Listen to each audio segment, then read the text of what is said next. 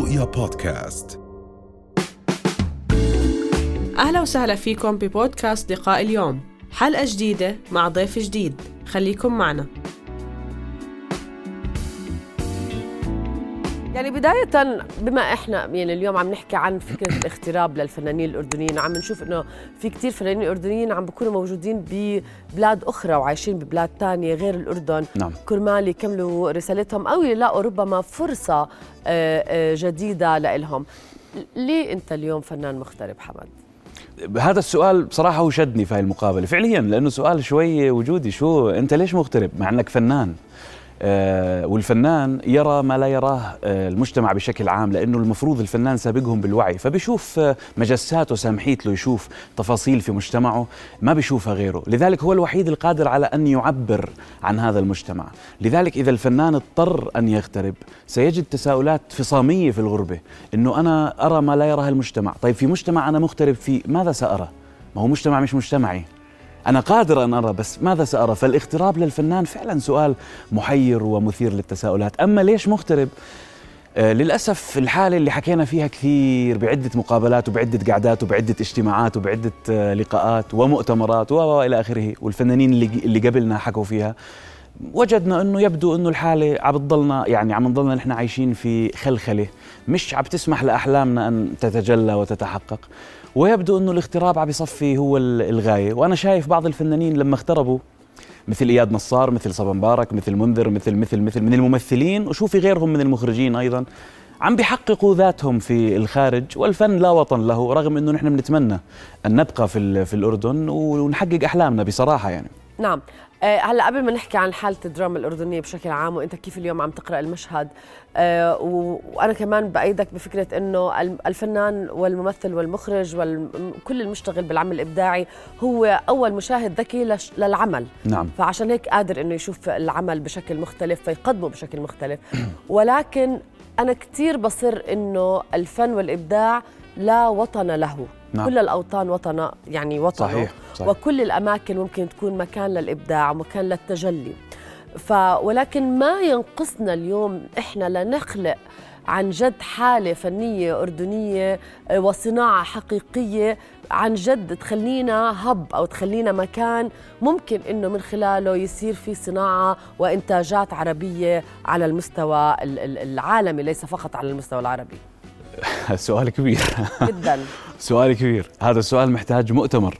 تمام. وأكاد أجزم إنه مؤتمر وطني. ليس أوكي. يعني يعني السؤال أضخم من فقرة في برنامج صباحي. ولكن بدي أحاول أختصر وأجاوبك عليه.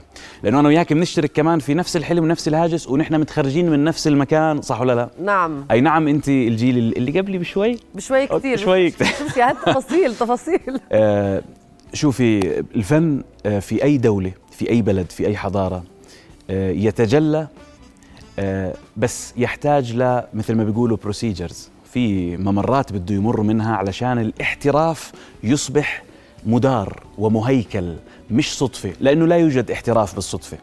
فنحن بالبداية من المدارس آه، أكيد التذوق الفني يجب أن يكون موجودا في الأنشطة اللامنهجية والمسرح والفن وغيره علشان الطلب الموهوبين لحالهم يفتحوا مجسات الفن في داخلهم اللي ممكن هم ما يكونوا بيعرفوها. بننتقل للمرحلة الثانية. اللي هي الجامعة. الآن الحراك الفني في سوريا وفي مصر بدناش نبعد. كيف يتجدد كل سنة في طاقات جديدة من الكتاب والممثلين والمخرجين والمصورين وإلى آخره؟ لأنه في عندك جهة تخرج وترفد الحراك الفني بطاقات وأرواح جديدة. من هذه الجهة؟ ستكون إما المعهد العالي لفنون السينما زي مصر، الأكاديمية تبعت المسرح زي مصر، الأكاديمية والمعهد في سوريا. مين هاي الأكاديميات؟ هذه الأكاديميات اللي بتستقطب المواهب، أي مواهب، ممكن يقدموا ألف. أنا بقبل الألف. في امتحان معياري لحتى أنا أستقطب المواهب لأنه هذه المواهب مش أنا جايبها ويلا شو ما تطلع تطلع خليها تسترزق لا هذه المواهب ستشكل فيما بعد واجهة الوطن نعم. واجهة الدولة الموضوع حساس جدا. لذلك نحن لما نجي على الأردن واسمحي لي يعني أكون صريح معك آه على الهواء لأنه الآن بطل في إشي يعني مخبى نحن في زمن آه المجتمع والجمهور واعي جدا صار. نعم. آه في جامعة اليرموك على سبيل المثال ما بدي أقول عن جامعة الأردني خلينا ناخذ كلية الفنون في جامعة اليرموك. آه، جامعة اليرموك في الشمال تتسع ل 17 ألف مقعد تقريبا. نعم. فيها 40 ألف طالب يعني أكثر من الضعف بشوي. إذا الكليات كلها فل مرتين. ما الكلية الوحيدة التي ستبقى فارغة؟ لأنه المجتمع في الأردن والأهالي مش كثير متشجعين إنه يدرسوا أولادهم وبناتهم الفنون كلية الفنون. مين اللي بيعبي كلية الفنون؟ أكيد أنت عارفة في بعض التفاصيل مثل آه الأقل حظا، أولاد العسكريين، المكرمة الملكية، هذه التفاصيل لهم حقوق بالتأكيد، وهذه الحقوق آه تسمح لهم إنهم يدخلوا كلية العلوم، كلية اللي هم حابين، بس الكلية الوحيدة الفاضية فأغلبهم بيدخلوا الفنون. على أمل إنه بعد فصل يحول، تمرق أربع سنين أغلبهم ما بيحولوا، ولما يجوا يقدموا لنقابة الفنانين عشان ياخذوا العضوية، لجنة العضوية ما بتعمل لهم امتحان بحكم إنه شهادته بكالوريوس يرموك. بعد فترة هذا سيخرج وهذه ستمثل وهذاك س... وماذا بعد؟ قيسيها على هاي الأعداد بعد عشر سنين. كيف بده يكون الحالة عندك؟ تمام كيف بدنا نفش شغلنا في عمل تلفزيوني ولكن هل تعتقد إنه هذه بس المشكلة ما بتعتقد إنه كمان في عنا مشكلة بالإنتاجات ما بتعتقد إنه عنا في مشكلة إنه إحنا في كتير أعمال اليوم تعرض على منصات عالمية زي نتفليكس وغيرها وبتلقى صدى جماهيري رائع ونجاح رائع ولكن نعم. لا تكون نعم. مقبولة نعم. أو ما بتكون ما بنحسها بتمثلنا أو بنحسها بتمثلنا ولكن في فئة بتحس إنه هي لا تمثلنا صحيح. هل تعتقد إنه إحنا ما زلنا نعيش إنه إذا بدنا نقدم عمل يجب أن يكون العمل الأفضل والأروع والأفخم نعم. وال... واللي ما فيه غلطة وكأنه إحنا مجتمع لا يغلط وما في عندنا هفوات. يعني هذه كمان مشاكل. اليوم عم اللي أنا قلته قبل شوي صديقتي هو واحدة من أهم المشاكل اللي مخلي الحراك الفني الأردني بهذا الشكل.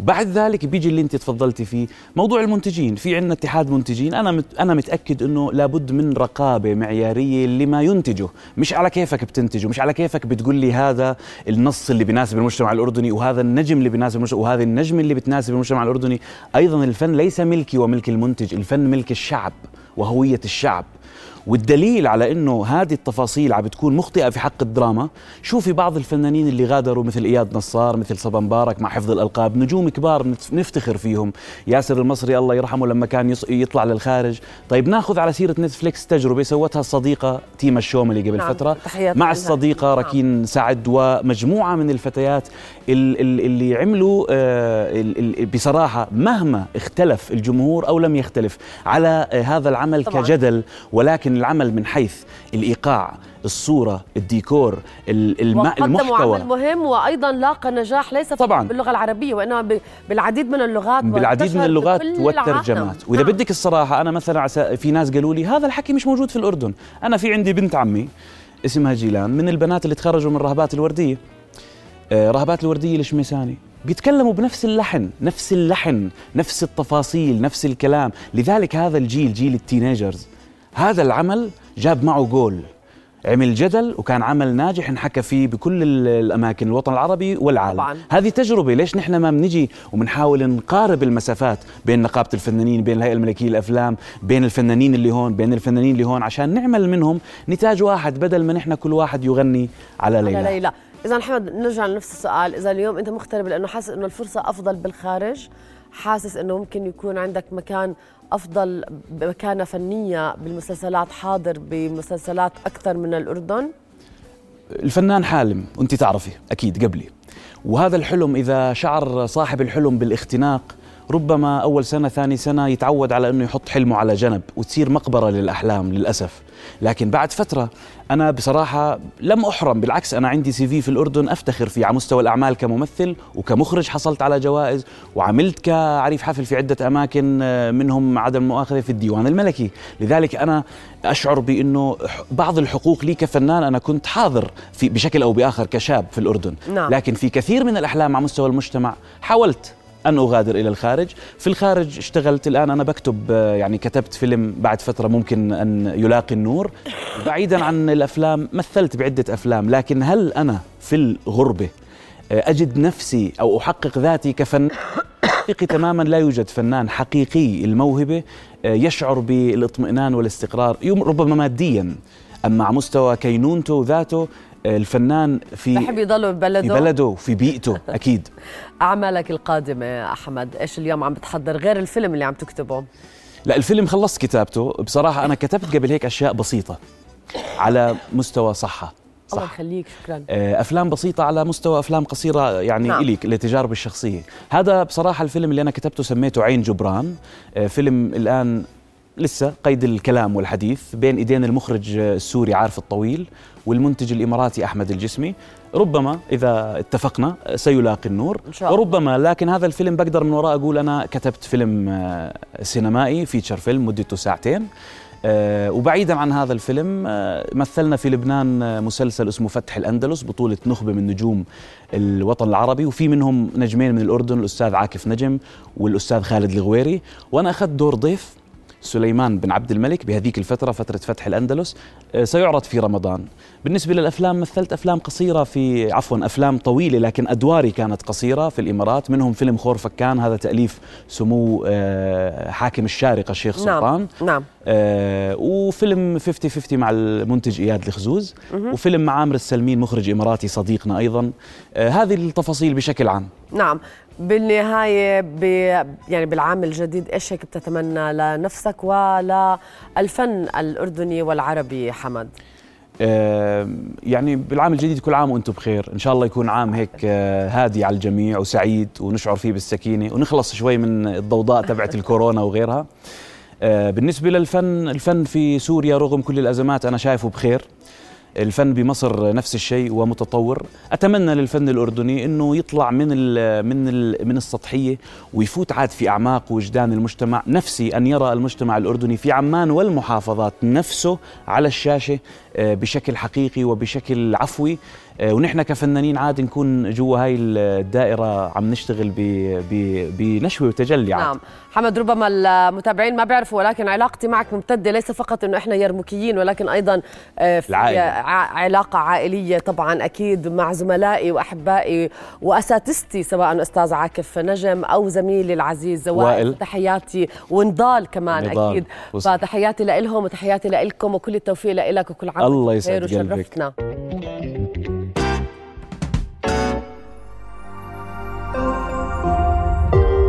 رؤيا بودكاست